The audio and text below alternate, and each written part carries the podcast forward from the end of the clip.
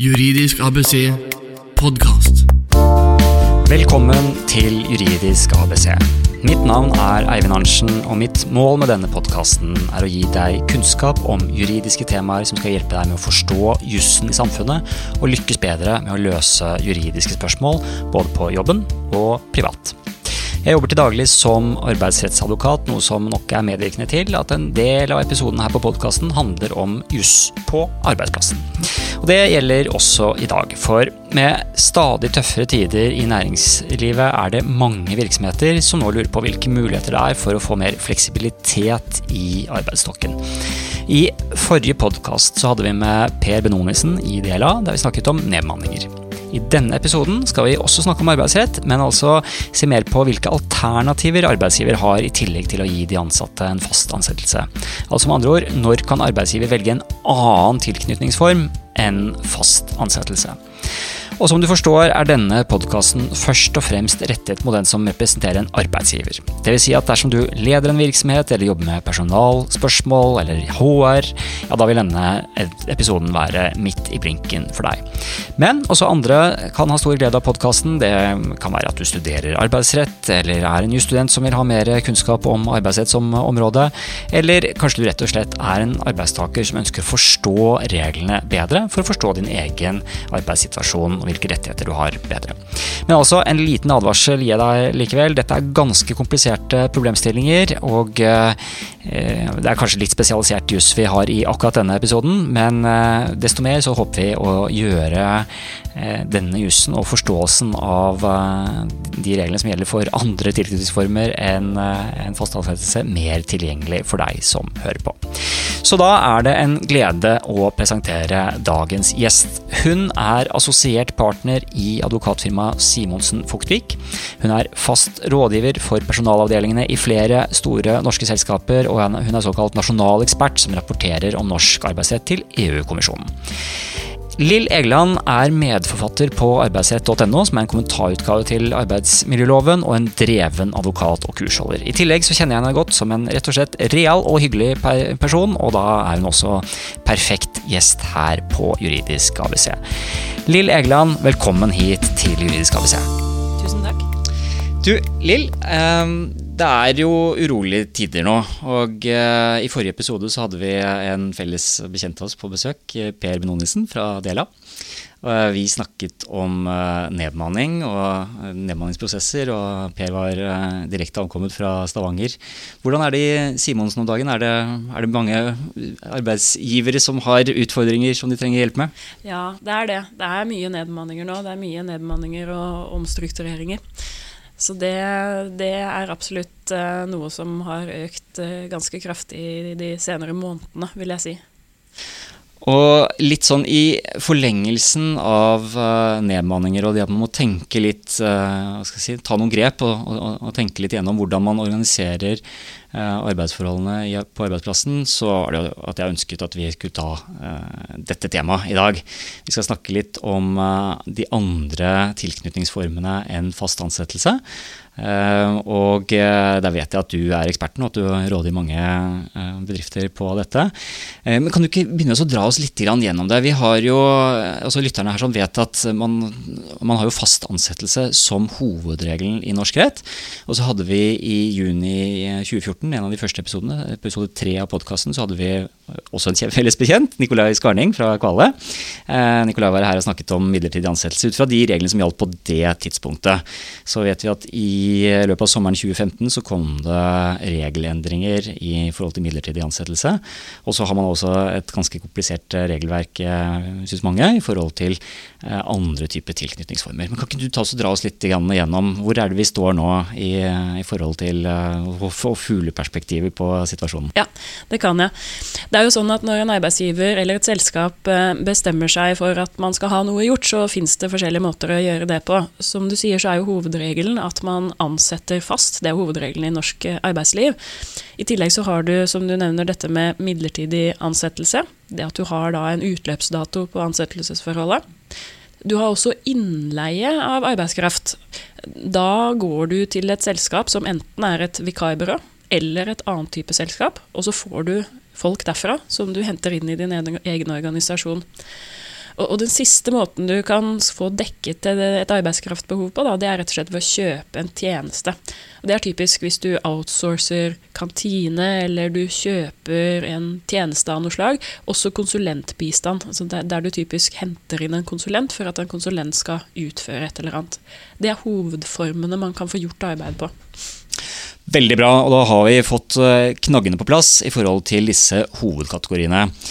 Hvis vi nå begynner med å dykke mer ned i eh, denne, dette første spørsmålet, som vi, som vi sagt, som sagt også hadde en podkast med Nikolai på, men hvor det har vært endringer, så er det jo dette med midlertidig ansettelse.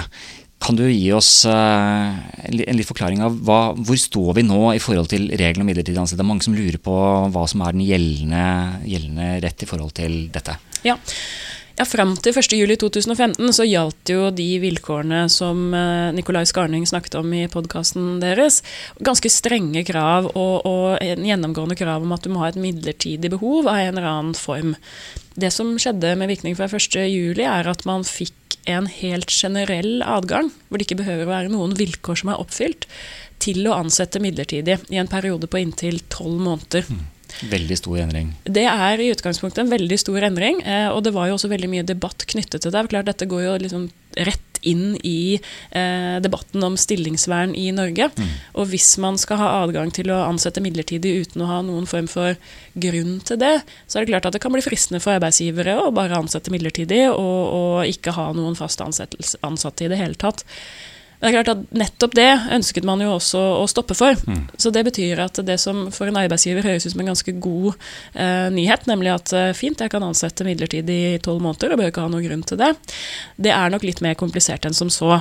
Jo, bare for at Vi tar hovedregelen her først. Eh, igjen, for Den store endringen var jo også at eh, fra å gå fra et, eh, et, regime hvor man hadde strenge krav i forhold til eh, midlertidig behov etc., så ble det en generell åpning. Du trengte ikke noe begrunnelse. Det var liksom, Noen opplevde at dette var, nå var det helt fritt frem. Men som du sier, man la jo inn noen sikkerhetsmekanismer her, sånn, så, så, det er jo ikke noe fullstendig frislipp. Nei, det stemmer. Eh, faktisk, sånn for å ta slutten først, så vil jeg si at det å bruke denne generelle adgangen kan være ganske risikofylt, rett og slett, for en arbeidsgiver. Det er nok i veldig spesielle situasjoner at man skal ta bruk av denne. Fordi det er to ting å tenke på når du ansetter da etter denne generelle regelen. Det ene er at det er en kvote mm. på hvor mange du kan ansette midlertidig i en sånn type eh, bestemmelse. Eh, det er maks 15% av arbeidstakerne i virksomheten din. Og i utgangspunktet da, så er det sånn, da må du telle opp eh, ok, hvor mange ansatte har jeg i selskapet. Mm. Og da finner du svaret på hvor mange du kan ha i denne generelle midlertidige ansettelsen. da. Så er det også en litt sånn spesiell regel eh, sånn i lovsammenheng at du kan faktisk velge å definere hva virksomheten er selv. Mm. Det vil si at selv om du begynner med å måtte telle opp i hele selskapet ditt, så kan du som arbeidsgiver definere en avdeling f.eks. Mm. til å være virksomheten din, og ansette ikke over 15% i den. Forutsatt da, at denne avdelingen har mer enn 50 ansatte. Så dette er for de store virksomhetene. Vi vet at de, de, fleste norske virksomheter er jo ikke i den kategorien. Ja, det stemmer. Og det er jo nettopp for at å ha en regel som dette uten å kunne måtte, snevre litt inn for de aller største, det er ganske uhåndterlig. Så, så derfor har man tatt inn, tatt inn denne bestemmelsen. Men 15% sier du. I, uh, I, veldig mange virksomheter så er det jo 6-7-8 ansatte, og da er man jo, uh, da er man jo langt under. Kan man da ansette, Er det sånn at du er maksimalt sånn 20-30% stilling, eller hvordan, hvordan, er det det man regner ja, denne kvoten? Godt spørsmål. Uh, der har man presisert i lovteksten nettopp for disse tilfellene at du alltid minst skal kunne ansette én i ja, en sånn kategori. Så du slipper, du slipper å ha en deltidsansatt for å komme under. Og det er Den ene delen av kvoten er dette med antallet. og da ser altså 15 men, men, men alltid mulighet for å ansette igjen. Ja. Um, så er det vel noen regler i forhold til uh, sånn type karanteneperiode etter, etter at man har brukt midlertidig ansettelsen også? Det stemmer, og det er det som blir veldig vanskelig uh, mm. å forholde seg til. Fordi um, når du har hatt noen ansatt i tolv måneder på en sånn generell midlertidig ansettelse uten grunn, så kan du ikke ansette på nytt i samme kategori i en periode på tolv måneder etterpå for å utføre de samme arbeidsoppgavene, som loven sier. Og der er det veldig mange fallgruver i akkurat den bestemmelsen der. Um, og, og, hovedproblemet er å, å, definere ja, hva er egentlig samme arbeidsoppgaver. Mm. Uh, for det er klart du har, Hvis du har ansatt en sekretær, f.eks., mm. midlertidig, mm. i tolv måneder, så er det helt opplagt at uh, du kan ikke da hente inn en ny sekretær og ansette denne nye sekretæren uh, til å gjøre de samme arbeidsoppgavene. Nei. Vanskeligere blir det jo hvis du tenker deg at du skal ha en regnskapsperson som også utfører en del sekretærarbeid etter at du har hatt en ren sekretær i tolv måneder. Mm. Er det samme arbeidsoppgaver, eller er det en ny stilling? Og, dette har man forsøkt å si noe om i forarbeidene, men det er klart at det, eh, her kommer det et veldig skjønnsmessig begrep mm. som kan bli litt vanskelig for en arbeidsgiver å forholde seg til. Fordi det man skal, det man skal vite, da, det er at ansetter du da en person midlertidig etter denne tolvmånedersperioden, um, og, og vedkommende egentlig anses for å utføre samme arbeidsoppgaver, så har han, han eller hun krav på fast ansettelse fra dag én. Mm. Så, så, derfor så blir det å bruke den generelle tolvmånedersadgangen eh, ganske eh, utfordrende hvis du har tenkt til å fortsette med en generell adgang etterpå. Og det som kompliserer det enda mer, er at uh, i tillegg så vil du ha sånne rullerende perioder. Mm. hvor, det hele, altså, hvor sluttidspunktet for, for Eller altså starttidspunktet da, for når denne karanteneperioden begynner, det vil alltid være ved utløpet av den sist ansattes tolvmånedersperiode. Og bare denne setningen viser jo at det der skulle holde styr på noe sånt, er ganske krevende. Og, og typisk for de store selskapene og virksomhetene. da. Ja, og Gjør man dette for å spare ressurser, så er det nesten så du må ansette en kanskje fast for å holde Ja, det er et godt poeng. Du, du, du, må i hvert fall sette ganske store administrative ressurser på å holde tunga rett i munnen for, mm. å, for å ha kontroll på dette. Men du sier jo der også hva sanksjonen er. For eh, hvis man bryter reglene her, sånn, så er det da følgen at eh, da blir den som i utgangspunktet var midlertidig ansatt, den blir ansett som fast ansatt. Den ja. kan i hvert fall kreve fast ansettelse. Ja, det stemmer. Og der, var man jo, der tenkte man seg jo litt om når man lagde loven. For det er klart at hvis vi tenker på sekretæren da, som, eh, som kommer og er ansatt uh, i et år, mm. lovlig. Mm. Uh, og så kommer det en ny sekretær på jobben dagen etter at uh, hun har sluttet. Og denne nye sekretæren får da altså nyte godt av at vedkommende får krav på fast ansettelse, mm. mens den sekretæren som har tjent opp i tolv måneder, får det ikke. Men, men, men, sånn er det altså. At det er den som kommer inn og, og hvor arbeidsgiver bryter karanteneperioden, som får krav på fast ansettelse. Det ryddige er jo da selvfølgelig å, å, heller ta en vurdering i forhold til uh, tilsettingsbehovet, tenker jeg. Uh, altså Er du i en sånn type situasjon at det er aktuelt å bryte disse bestemmelsene, så er det kanskje like greit å heller sørge for å legge forholdene til rette for at man har et fast ansettelsesforhold. Og så får man, hvis ikke det fungerer, så enten så får man ha en individuell oppfølging, og så er det kanskje saklig grunn til oppsigelse grunnet arbeidstakers forhold. Det er jo prøvetidsbestemmelse og sånne ting vil jo også kunne gjelde. Uh, og ellers så vil vil jo kanskje være tilbake der vi begynte i dag, i forhold til nedmanningssituasjonen, hvis, man, hvis det viser at man ikke har økonomien her. sånn. Ja. Ja da, jeg tenker at, eh, at, kjernefeltet for denne nye bestemmelsen vil nok være eh, situasjoner som, som, man har tenkt på før også, nemlig en oppstartsfase. Hvor man er usikker på hva arbeidskraftbehovet vil være, og hvor man trenger en fleksibilitet da, mm til å kunne bare avslutte det hele. Og som du sier, man kunne ha nedmannet hvis man ansatte fast, men, men som du jo vet, så utløser jo det masse rettigheter. Ja, så dette vil være en veldig praktisk greie for, for eh, oppstartsselskaper, men også selskaper som da ønsker å teste ut et nytt forretningsområde, se om det fungerer. Og så må man da være klar over at fint, da har du denne muligheten, men du kan ikke fortsette med den. Du får ikke lov til å, til å gå i generelle midlertidige ansettelser til evig tid. Da vi snakket litt om reglene her, sånn, Er det noe mer man må passe på i forhold til eh, arbeidsavtalen, og, hvordan, eh, hvordan, arbeidsavtalen da utformes ved midlertidig ansettelse? Og også da hvordan man angir i forhold til utløpstidspunkt, og, og, hvordan man ordner det praktisk i forbindelse med at eh, den midlertidige ansettelsen avsluttes? Ja, ja det er det. Altså, de, denne, denne, generelle midlertidige ansettelsen var jo en av nyhetene 1.7.2015. I tillegg så kom det inn to ganske praktiske bestemmelser samme dato. Det ene er at nå skal man presisere i arbeidsavtalen hva som er hjemmelen for den midlertidige ansettelsen. Det betyr at altså Det var jo best praksis før også, men, mm. men nå står det i loven, og da må du gjøre det. og Det betyr at som arbeidsgiver så må du eh, sette deg ned, tenke litt nøyere igjennom hvorfor ansetter jeg egentlig midlertidig, og så må du nedfelle det i arbeidsavtalen. Så, så det var nyhet nummer to. I tillegg så fikk man presisert nå i loven at det er adgang til å si opp en midlertidig ansatt i den midlertidige perioden. Det var litt uklart før. Mm. Det har vært litt fram og tilbake, mm. og vi har hatt noe rettspraksis mm. der som, som kanskje selv om det har vært høyesterettspraksis, nesten har vært litt forvirrende. Eh, men nå er det altså klart og tydelig i loven at det er adgang til å si opp en midlertidig ansatt i den midlertidige perioden. Jeg vil jo anbefale at man tar inn bestemmelser om det i ansettelseskontrakten.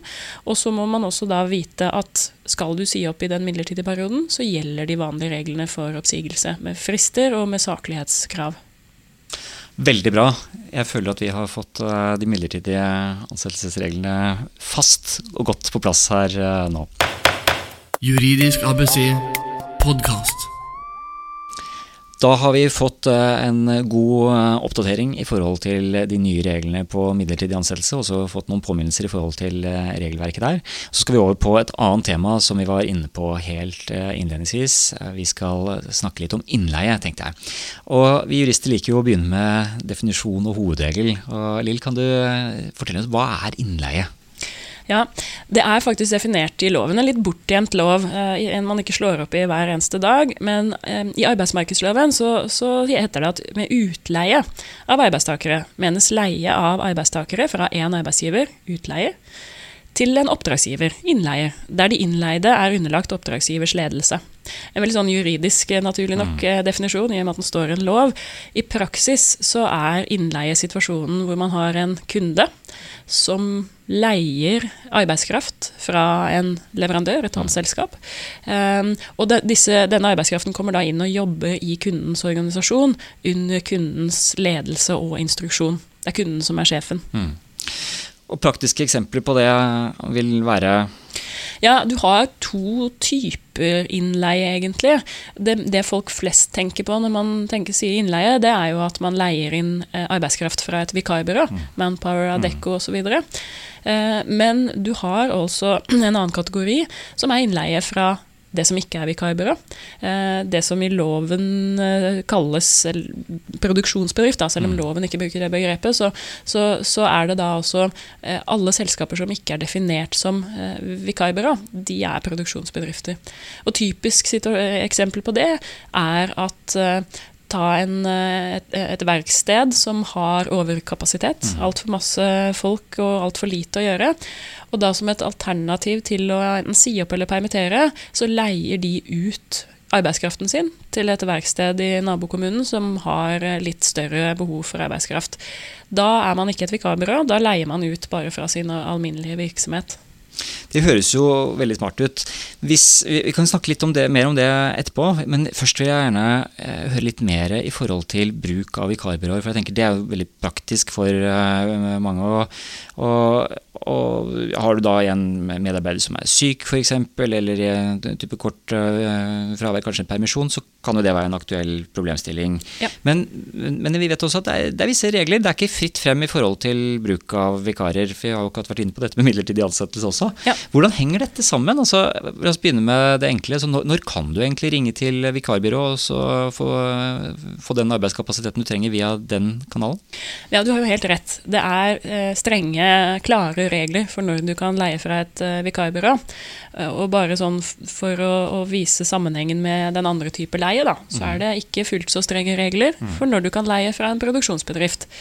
Så, så det betyr at når det er strengt i den ene leieren og mindre strengt i den andre, så vil du alltid få noen som har lyst til å hoppe over til å være en produksjonsbedrift. Det skal vi mhm. snakke litt om.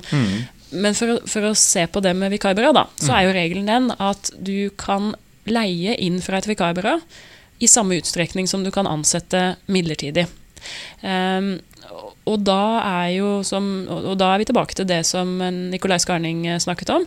Eh, de situasjonene hvor det genuint foreligger midlertidig, et midlertidig behov, altså hvor arbeidet er av midlertidig karakter, eller hvor du har behov for en vikar, er typ, de to typiske situasjonene mm. hvor du leier inn fra et vikarbyrå.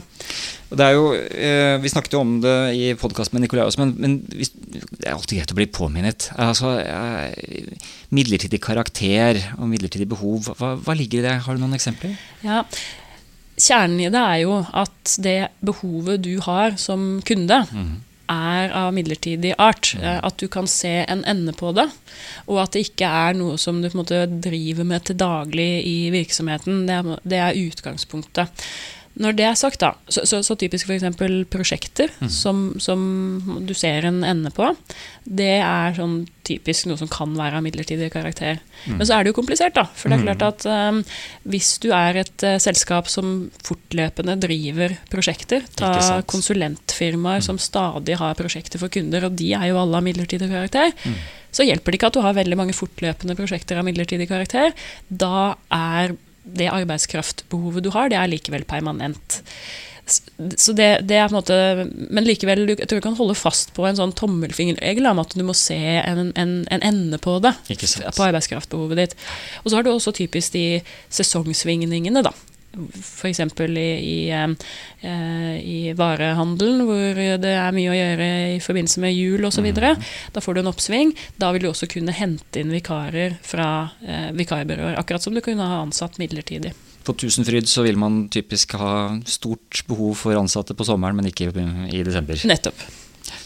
Ok, um, Veldig greit å få den påminnelsen. Og da er det altså sånn at der hvor det er dette midlertidige behovet, så er det fritt frem for å bruke vikarbyråer, er det riktig?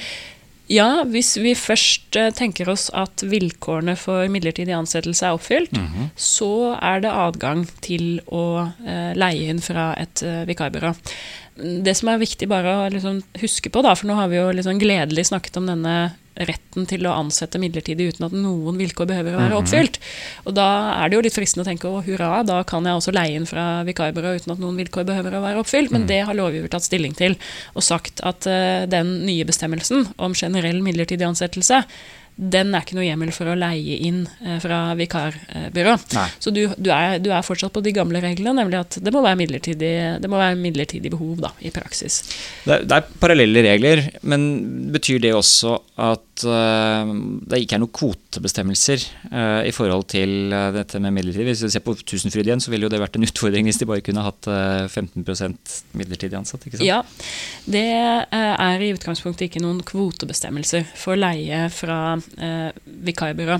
Da har vi sett litt sånn innledningsvis her sånn i forhold til dette med innleie. Så husker jeg at uh, for noen år siden så var det stor debatt om uh, likebehandling av uh, midlertidig ansatte, innleide ansatte og fastansatte. Og liksom spørsmål om i forhold til lønn og tilgang på kantine og firmahytte og alt mulig rart.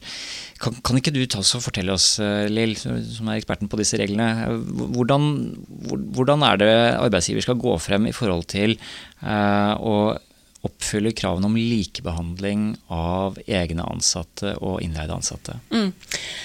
Ja, Der um, er det jo et regelsett som, som, kom inn i 2000 og Nå begynner det, er det 2013, da? Um, I hvert fall ikke mer enn et par år siden hvor, eh, som kommer fra et EU-direktiv, vikarbyrådirektivet. Mm. Og hvor selve formålet er å si at hvis du leies inn fra et vikarbyrå til en eh, kunde, så skal du ha de samme lønns- og arbeidsvilkårene som om, som om du hadde vært ansatt direkte hos den kunden. Og da er det egentlig to som får plikter her. Det ene er vikarbyrået, som jo er den som betaler lønn til eh, vikaren. Og vikarbyrået må da sørge for at vikaren eh, lønnes som om han hadde vært ansatt direkte hos kunden. Det er klart det betyr jo en del sånn administrativt eh, undersøkelser uh, fra vikarbyrået. Og, og loven oss, setter også noen plikter da på kunden, mm. innleier, uh, når det gjelder å gi informasjon om hva vedkommende ville ha tjent hvis han var direkte ansatt. Ansatt. Så, så vikarbyrå har jo da den plikten til å sørge for det pengemessige her, at, at man kommer på det riktige nivået. Og så vil du som kunde, altså innleier, da, ha plikt til å sørge for at denne vikaren får tilgang på det som heter de samme felles goder og tjenester eh, som de fast ansatte har. Eh, og det begrepet der, det er litt sånn vanskelig å forholde seg til eh, i praksis. Eh, hva er felles goder og tjenester? Eh, man kan jo tenke både på ok, betyr det at de skal ha, være med på julebordet? Skal de være med på firmaturen? Skal de, hva, hva, hva gjelder? Eh, det, som, det begrepet er litt sånn forvirrende, sånn som det egentlig ble innført i loven. I, i vikarbyrådirektivet da, så står det at de innleide skal ha tilgang til de samme kollektive fasiliteter som de fast ansatte, eller som de ansatte direkte.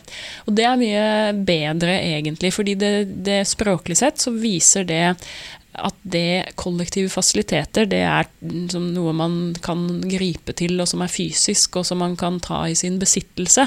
Eh, og, og, eksemplene i forarbeidene er jo typisk ja, hvis du har en garderobe der, så skal de innleide ha tilgang på den. Eh, har du en kantine, så skal de ha tilgang på den, osv. Så, videre. så Så det man måte, fysisk kan få tilgang på, det, det er noe som du som kunde plikter å gi de innleide tilgang på. da.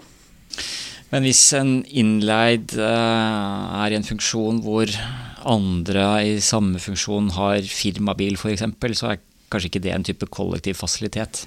Det blir mer et spørsmål om dette er lønn mm. som man plikter å gi. Eh, og, og, i så fall er det en plikt som, som påhviler vikarbyrået. Da.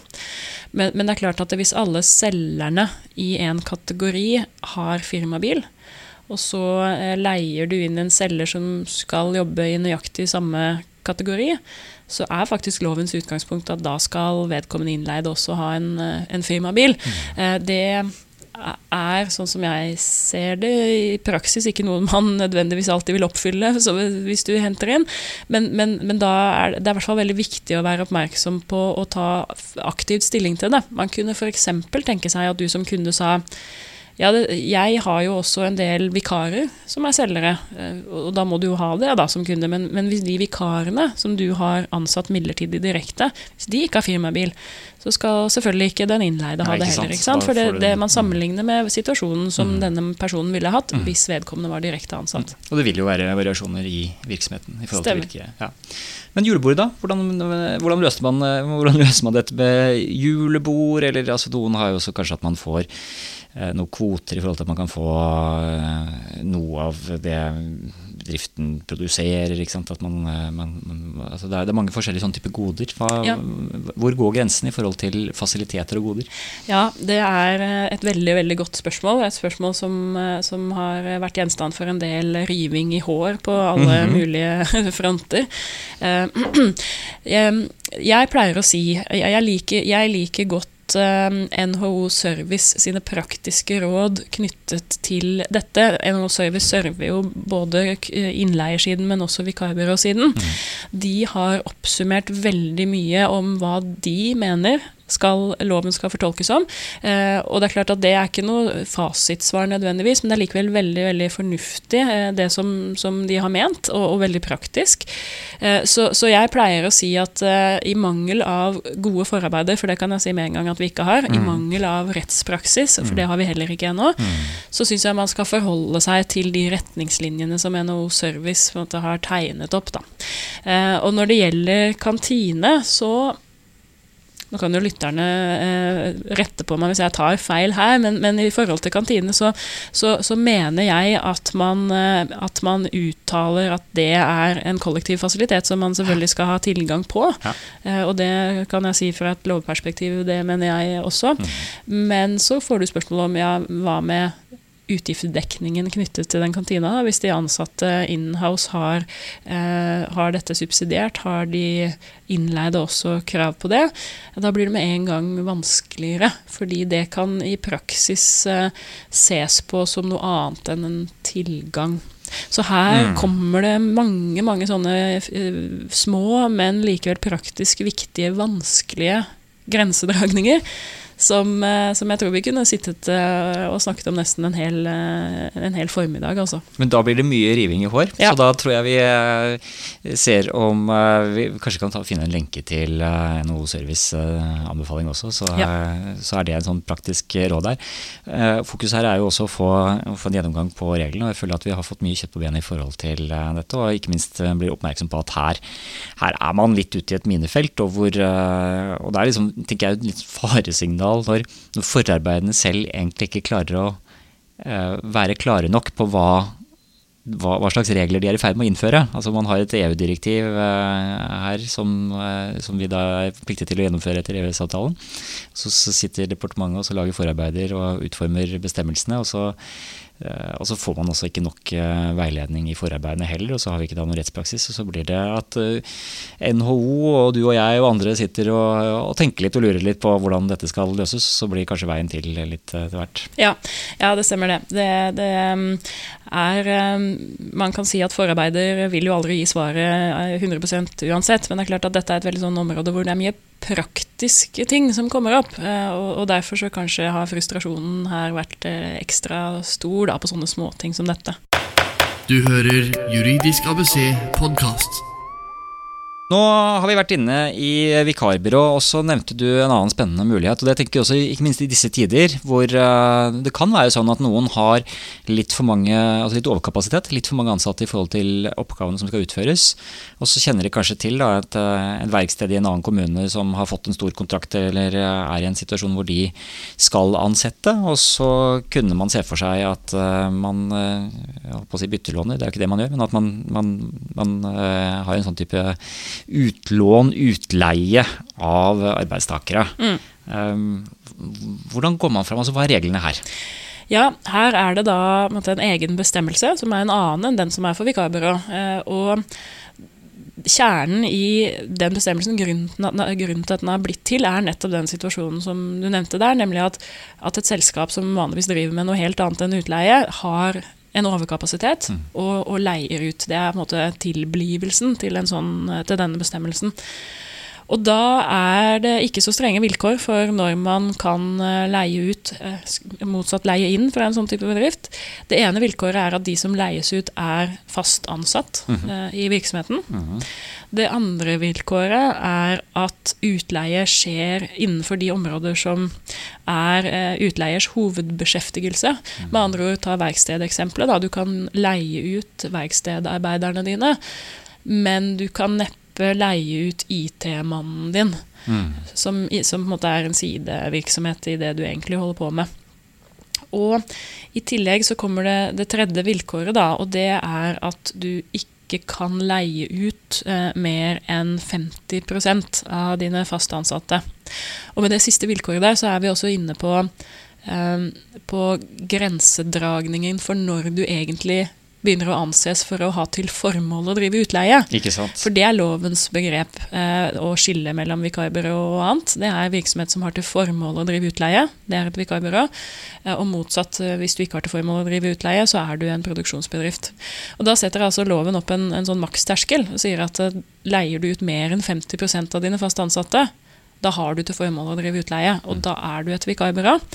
Eh, og da betyr det også at du kan ikke drive og leie ut med disse lempelige eh, lettereglene. Du er over i at du må ha midlertidig behov for å kunne leie fra dette selskapet. Men det er også sånn at du kan faktisk bli et vikarbyrå lenge før du leier ut 50% av arbeidskraften din. Okay. Og det er er nok litt forvirrende for veldig mange selskaper. Eh, Det finnes nok eh, flere selskaper som, som etter loven er vikarbyrå, enn det som man selv tror. Det, det ser jeg veldig ofte, eh, og typisk i konsulentbransjen. Da. Mm. At, man, eh, at man faktisk vil være et vikarbyrå uten å egentlig vite det selv. Hvordan ender man der, da? Jo, Eller, det har det med overkapasiteten kanskje å gjøre? Ja, nei, fordi eh, det er klart at selv om kjerneeksempelet på å være en produksjonsbedrift er at du bruker overkapasitet og leier ut det, så er det jo likevel sånn at eh, Ta f.eks. konsulentbransjen, da. Så, eh, så driver du eh, nok først og fremst med å levere en eller annen type råd til kundene dine. Men mange ganger så glir det også over at du bare tar et menneske og sier her er jeg en veldig kompetent fyr, har du lyst til å leie han en periode, og så får jeg litt ekstra påslag på det? Ja takk. Um, og hvis du, hvis du da driver den type utleie uh, i for stor om, u, eh, utstrekning, uh, så kan du fort anses for å være et vikarbyrå. Fordi som sagt, eh, lovens vilkår er, har til formål å drive utleie. Og da, da ser man rett og slett på okay, hvilket omfang har den utleien du driver. Eh, hvor ofte skjer det egentlig? Det er sånn typiske elementer man, man vil se på. da. Så, så eh, særlig ser jeg i konsulentbransjen og IT-bransjen, eh, hvor man faktisk tar og stiller arbeidskraft til disposisjon for andre som en del av forretningsvirksomheten sin, så kan du anses for å være et vikarbyrå uten å tenke over det. Så du kan ikke drive fritt frem med utleie inntil 50% og si at vi holder oss under 50 vi er, vi er 100 ansatte og det er bare 49 vi leier ut. Ja.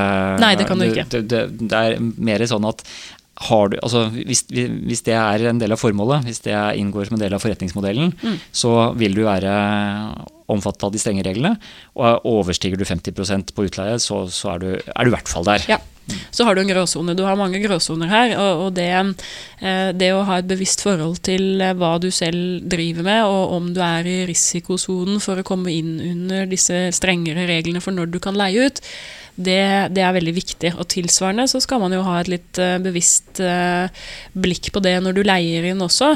Um, fordi som sagt, selv om et selskap eh, sier, og måte ikke overhodet selv tenker på at de er et vikarbyrå, så kan de være det. Så det der å ha en liten sånn slags due diligence, da, eh, stille noen spørsmål rundt hva, hva er virksomheten deres, hva driver dere med, osv., det kan spare deg for en del utfordringer. Ja, for hvis vi ser på det med utfordringer her, altså eh, Hva er konsekvensene hvis man eh, trår feil her sånn, og, altså for, for, for begge parter? Ja. Både for den virksomheten som uh, trodde de ikke var vikarbyrå fordi de holdt seg under 50 mens de egentlig bruk, hadde utviklet dette som en forretningsmodell, og de som da leide inn og trodde de var innenfor fordi de leide fra en produksjonsbedrift.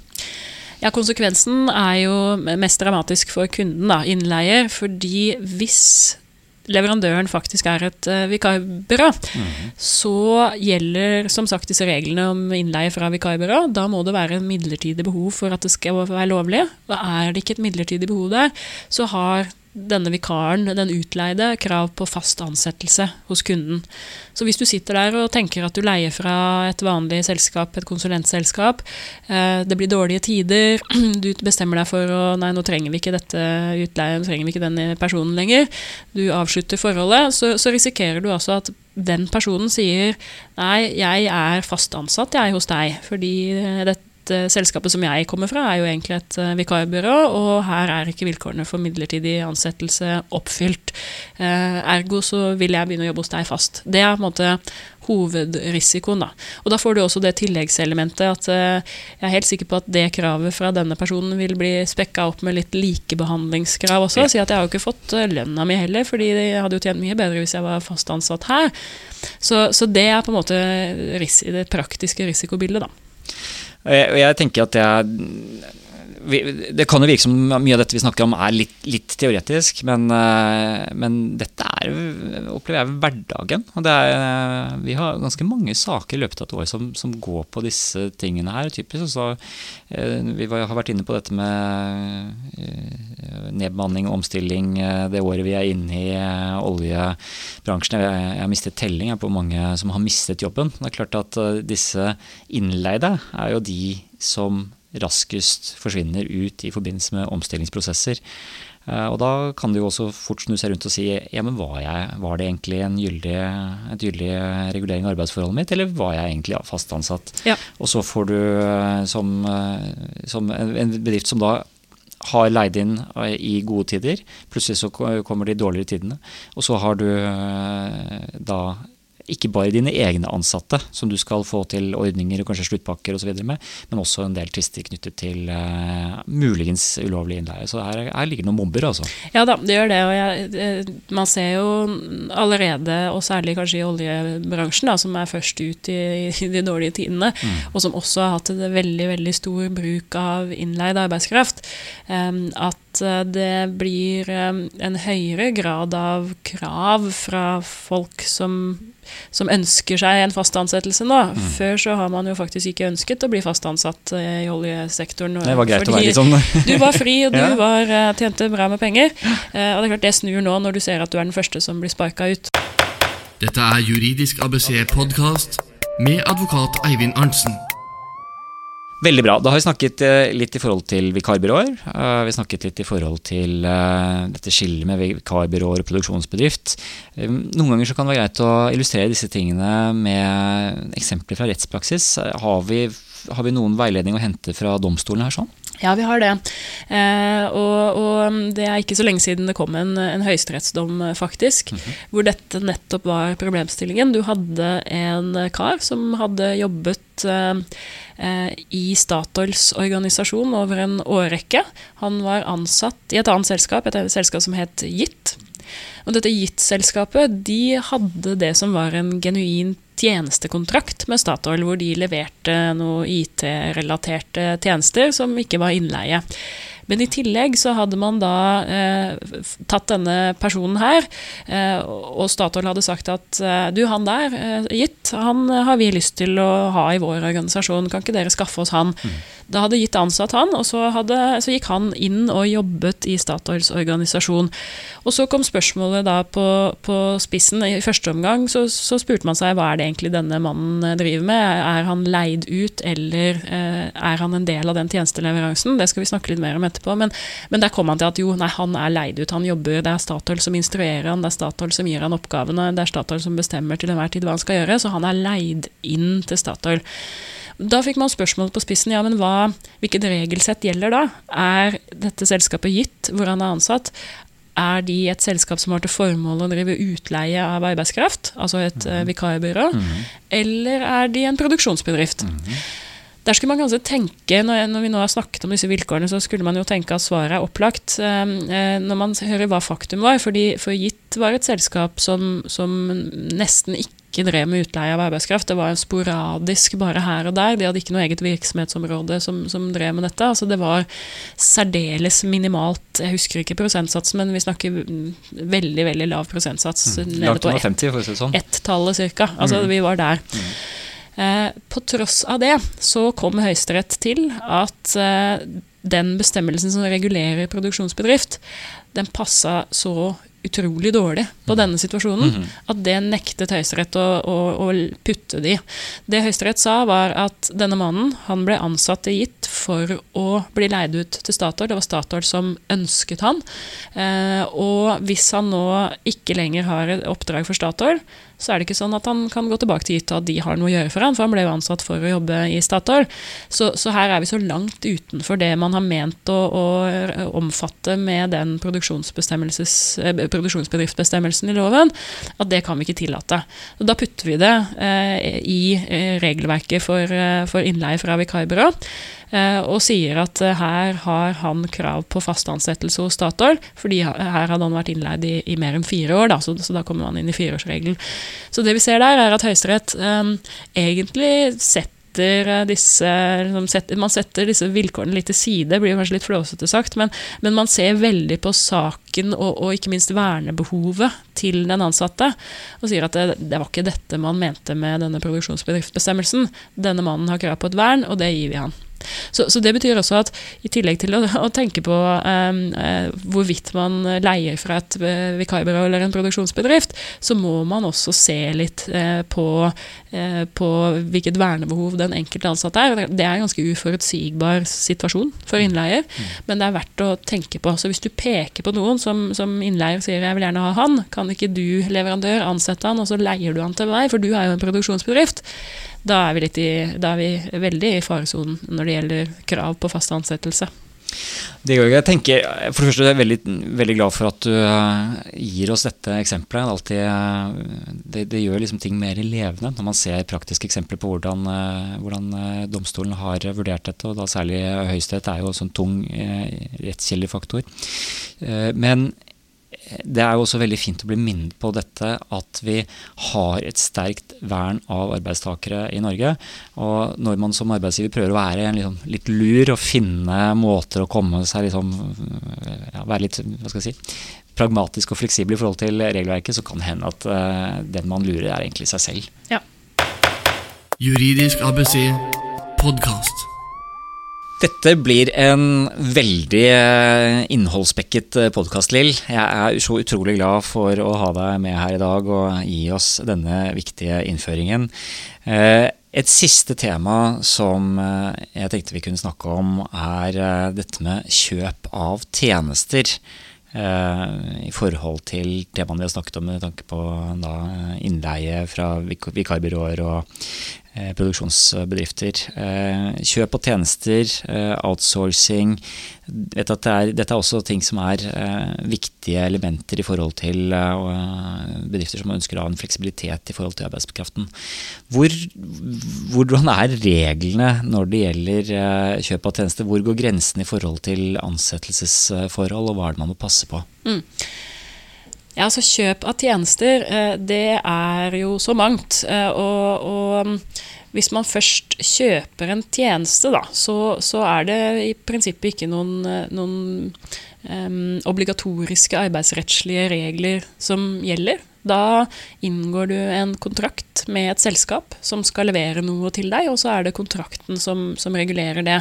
Og de menneskene som, som, dette selskapet måtte bringe med seg, og som gjør jobben, ja, de er ansatt eh, og ledes av denne eh, leverandøren, og har ikke noe med deg å gjøre. Du får selvfølgelig noen regler knyttet til, eh, i, i parentes bemerket, da, at du må sørge for arbeidsmiljøsikkerhet osv. For, for disse når de er på, på arbeidsplassen din. Mm. Men når det gjelder liksom det arbeidsrettslige forholdet, så er dette ansatte av leverandøren.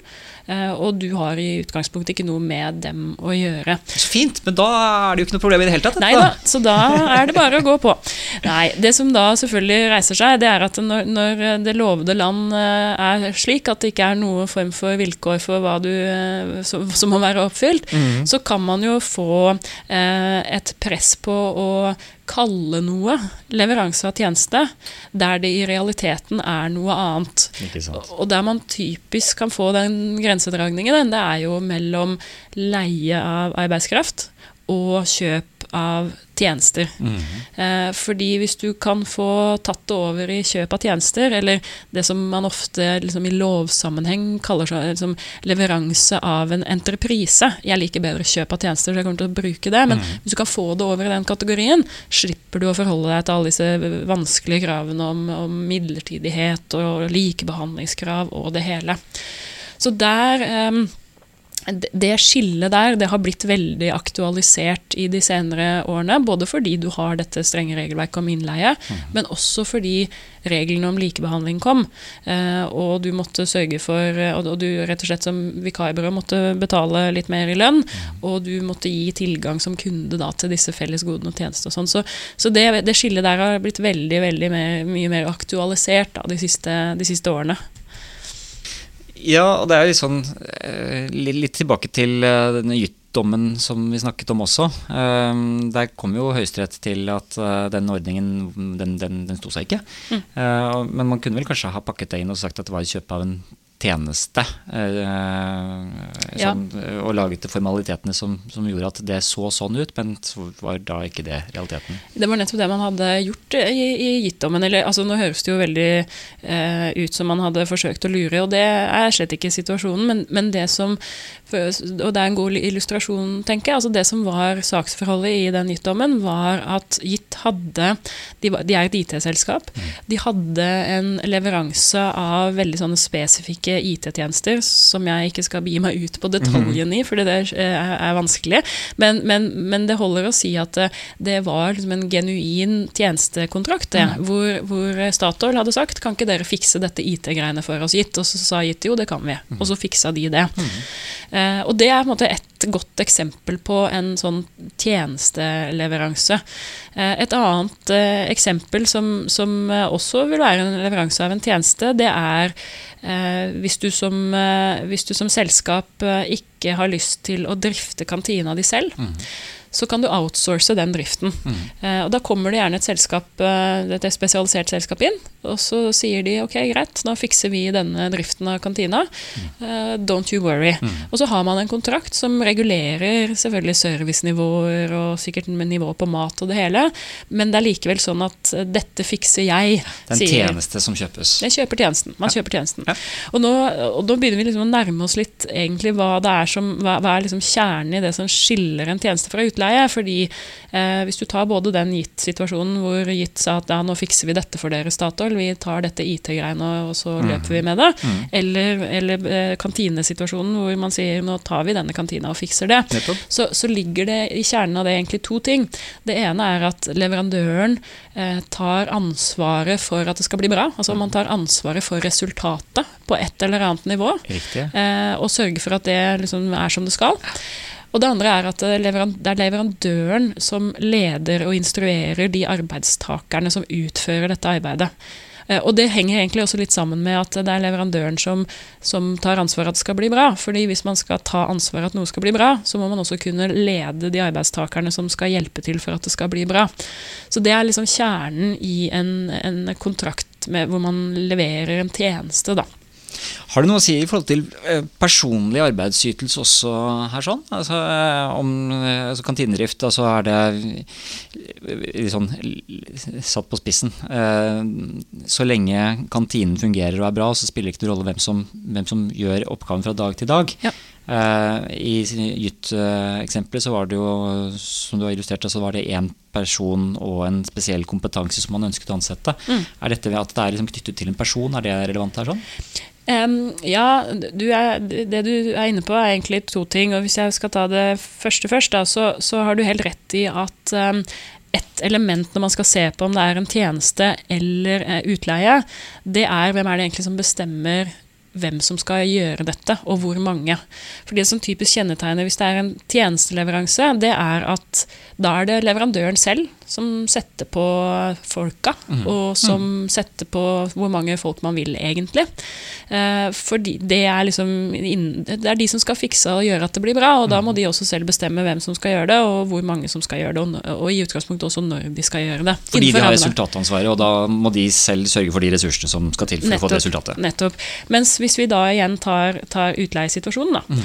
så vil det typisk ikke være irrelevant for kunden hvem som kommer, og hvor mange som kommer, og, og når det gjøres. For det er jo kjernen at da skal, de, da skal leverandøren sende noen folk, mm. og så er det jeg, kunden, som skal sørge for at det blir bra. Og da kan ikke du bare sende meg hvem som helst, Nei. for det første, og du kan heller ikke sende meg så mange du vil, for det koster meg jo mye mer penger. Ja, vi tilbake til sekretæren eller resepsjonist, så kan det jo hende at det, det kan hende at det er en annen vurdering i forhold til eh, kantinefunksjonen. Ja, ja, absolutt, ikke sant. Eh, men, men det der, med, det der med at man da at det er relevant hvor mange man sender, det har jo også en side til hvordan man priser det. Og det er jo et annet element som skiller utleie fra kjøp av tjeneste. Fordi det typiske i- ved kjøp av tjeneste, eh, det er at man har en eller annen fastsatt pris. Det behøver ikke å være sånn. Man kan også ha eh, løpende og basert på timer. Mm. men, men, men eh, kjernen i det er at man typisk har avtalt ja, nå skal du få kroner X for å fikse dette. For å sette opp dette huset, f.eks. Mm. og, og igjen så, så skjønner man at når, når eh, man har gitt en sånn type fastpris, så er det jo ett fett for kunden hvor mange som brukes på det, og hvem som brukes på det. Det er leverandøren som får bestemme det. De får det de får uansett. Motsatt igjen ved utleie. Da har man da typisk priset per time, per person. Mm. og da blir det selvfølgelig ikke irrelevant hvor mange som brukes, og, og hvem det er. Det blir fort litt teoretisk juss når vi snakker eh, om disse temaene. Er det noen dommer her som kan eh, hjelpe oss, og som kan gi oss mer forståelse for, eh, for hvordan reglene er? Ja, det er det. det, er det. Og jeg, tenker begge disse dommene som er i denne materien, er jo ganske nylige. Så denne her er fra 2013. eh, og igjen er det Statoil som, som var i en sak. Stat Statoil er jo en hoffleverandør av eh, dommer til denne podkasten. Ja. Jan Fogner, som du også kjenner godt, eh, snakket om Kårstø-saken, og så har du snakket om Jytt, og så er vi på enda en. Fortell. Ja, vi er det. Ja, nei, vi skal være glad for at Statoil hjelper oss med dette å stake ut rettstilstanden i Norge på arbeidsrettens område. Nei, eh, i, i denne saken så hadde Statoil eh, over lengre tid hatt en avtale med et selskap som het Quality People, om at Quality People skulle levere den interne postfordelingen til Statoil. Så var det da en av de ansatte i Quality People som reiste krav mot Statoil og sa at jeg eh, er i realiteten innleid til dere, og da er vilkårene for midlertidig ansettelse ikke oppfylt, eller dvs. Si jeg har jobbet mer enn fire år, så jeg har krav på fast ansettelse hos dere. Og så måtte Høyesterett da ta stilling til eh, ok, er vedkommende innleid? Er dette snakk om et, eh, et utleie-innleieforhold, eller er det snakk om leveranse av en tjeneste? Eh, Saken her var eh, måte veldig konkret vurdert, men det man får i denne dommen, er jo et eksempel på hvordan domstolene går gjennom disse momentene som vi har vært litt inne på, når det gjelder hva som skiller tjeneste fra utleie. Så her gikk Høyesterett inn og så på kontrakten. Eh, konstaterte at man hadde en del forpliktelser, eh, at det tilnærmet lå en fast pris der. Eh, man gikk inn og så på hvem som ledet arbeidet, og kom til at det var eh, Quality People. Eh, og i sum så kom man da til at dette var, når man brukte de tradisjonelle momentene, hva er det som skiller, så, så kom man til at dette var leveranse av en tjeneste. Og når det var leveranse av en tjeneste, så var det jo ikke noe krav for denne personen til å få noe fast ansettelse i Statoil. Så da får man det motsatte resultatet i forhold til Yt-saken. Der, eh, der ble faktisk Statoils ordning godkjent. Ja, stemmer. Bra. Vi har eh, vært gjennom eh, mange temaer i dag. Hvis man skal prøve sånn mot slutten å, å prøve å dra noen linjer og oppsummere litt, kanskje se på er det noen sånn praktiske råd som en arbeidsgiver bør ha med seg videre. Eh, Hvordan skal vi gjøre det? Hvordan, hvordan, kan, hvordan kan vi sammenfatte dette, Lill? Ja, altså det jeg, jeg tenker at dette er jo eh, et komplisert regelverk. Samtidig så tror jeg at en arbeidsgiver vil komme veldig langt hvis man i hvert fall har dette fugleperspektivet. da. En visshet om at det fins ulike typer måter å eh, organisere seg på. Du kan bruke fast ansettelse, men hvis man også da det, det ligger ganske langt fremme hos de fleste arbeidsgivere at det også finnes midlertidig ansettelse. Um, men at man da har et begrep i hvert fall om vilkårene for midlertidig ansettelse, og, og tilsvarende vilkårene for innleie fra vikarbyrå. At man vet og, og kjenner til, og at det går noen alarmbjeller hvis man leier inn fra et selskap som sier at de ikke er et vikarbyrå. Det kan, det kan godt stemme, eh, og det behøver ikke være noen vond vilje bak det heller, men at man da har noen eh, små alarmbjeller som, som gjør at man tar noen ekstra undersøkelser bare for å sikre seg, eh, eller i hvert fall få litt større klarhet i hva, hva din egen situasjon er. Fordi som vi har sett, så er det jo sånn at hvis du leier inn fra noen som viser seg å være et vikarbyrå, så, så, så kan du sitte der med en ansatt da, som, som krever fast ansettelse. Så det der å ha et bevisst forhold til disse kategoriene, eh, det tenker jeg er i hvert fall et veldig godt utgangspunkt. I postfordelingsdommen som du akkurat snakket om, så sa du at uh, Høyesterett tok utgangspunkt i kontrakten. Eh, kan et råd her være at eh, altså, i det kontraktsarbeidet, det er der, der bør man også være liksom, ekstra påpasselig. Du har jo nevnt dette med i forhold til midlertidige ansettelser, at uh, grunnlaget for den midlertidige ansettelsen skal angis i arbeidsavtalen. Sånn at en type kontraktsrevisjon av eventuelle arbeidsforhold man har nå, man bør kanskje etter å ha hørt denne podkasten så bør man ta sjekke hvis man har noen midlertidig ansatte, om man oppfyller kravene der. Eh, for Der vet vi at arbeidsgiver skal alltid sørge for at arbeidsavtalene er eh, oppdaterte og, og riktige. ikke sant? Mm. Eh, men jeg tenker at kontrakts, på kontraktstidspunktet så er det viktig å, å holde tungen rett i munnen. Og da kan det vel kanskje også være sånn at eh, det å snakke med f.eks. deg, eller en, eh, en som da kan disse reglene godt, vil kunne være greit i forbindelse med at man eh, setter opp kontrakten. Ja, jeg tenker at det alltid er en god investering å få litt sparring på akkurat den litt fine grensegangen du skal tråkke opp i dette landskapet her, da. Og når det gjelder kontrakter, så, så så tenker jeg at det å, å være veldig tydelig når du definerer opp hva som skal gjøres, og, og vite at du enten er i innleieboksen mm. eller i kjøp av leveranseboksen, for mm. der er det mange grep du kan ta for å få det det ene eller andre stedet kontraktsmessig. Mm.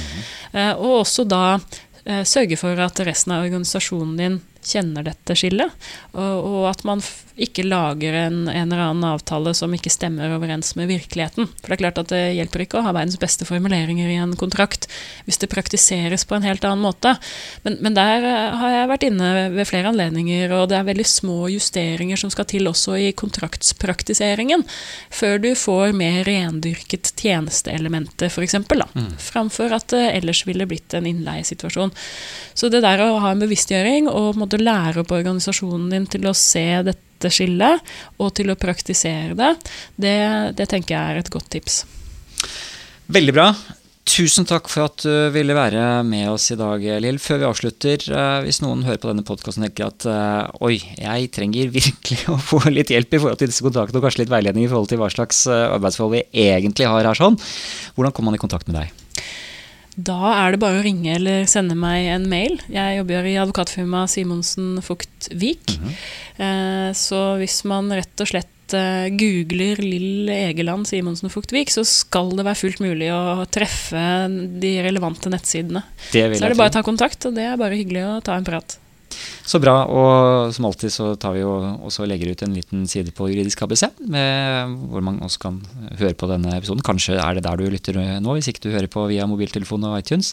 Men du kan i hvert fall gå til Juridisk ABC og også lett eh, søke opp Søker du på Lill der, så vil eh, denne Eh, episoden spredt opp med sin egen lille side, og der vil også kontaktinformasjonen til eh, Lill ligge. Så igjen, tusen takk for alt du har delt med lytterne i dag. Vi har lært masse om eh, disse ganske kompliserte problemstillingene. Så håper jeg at også du, som hører på, er, er like ekstatisk som jeg er akkurat nå i forhold til å ha fått denne gjennomgangen. Igjen, Lill, tusen takk for at du kunne være med. Takk for at jeg fikk komme. Du har hørt Juridisk ABC podkast. For mer informasjon om dagens tema, se juridiskabc.no. Her finner du flere podkaster og artikler innen arbeidsrett, eiendomsrett, familierett og temaer for deg som driver egen virksomhet. Meld deg på vårt nyhetsbrev på juridiskabc.no. Produsert av Øystein Weibel og Kanonlyd. Kaboom!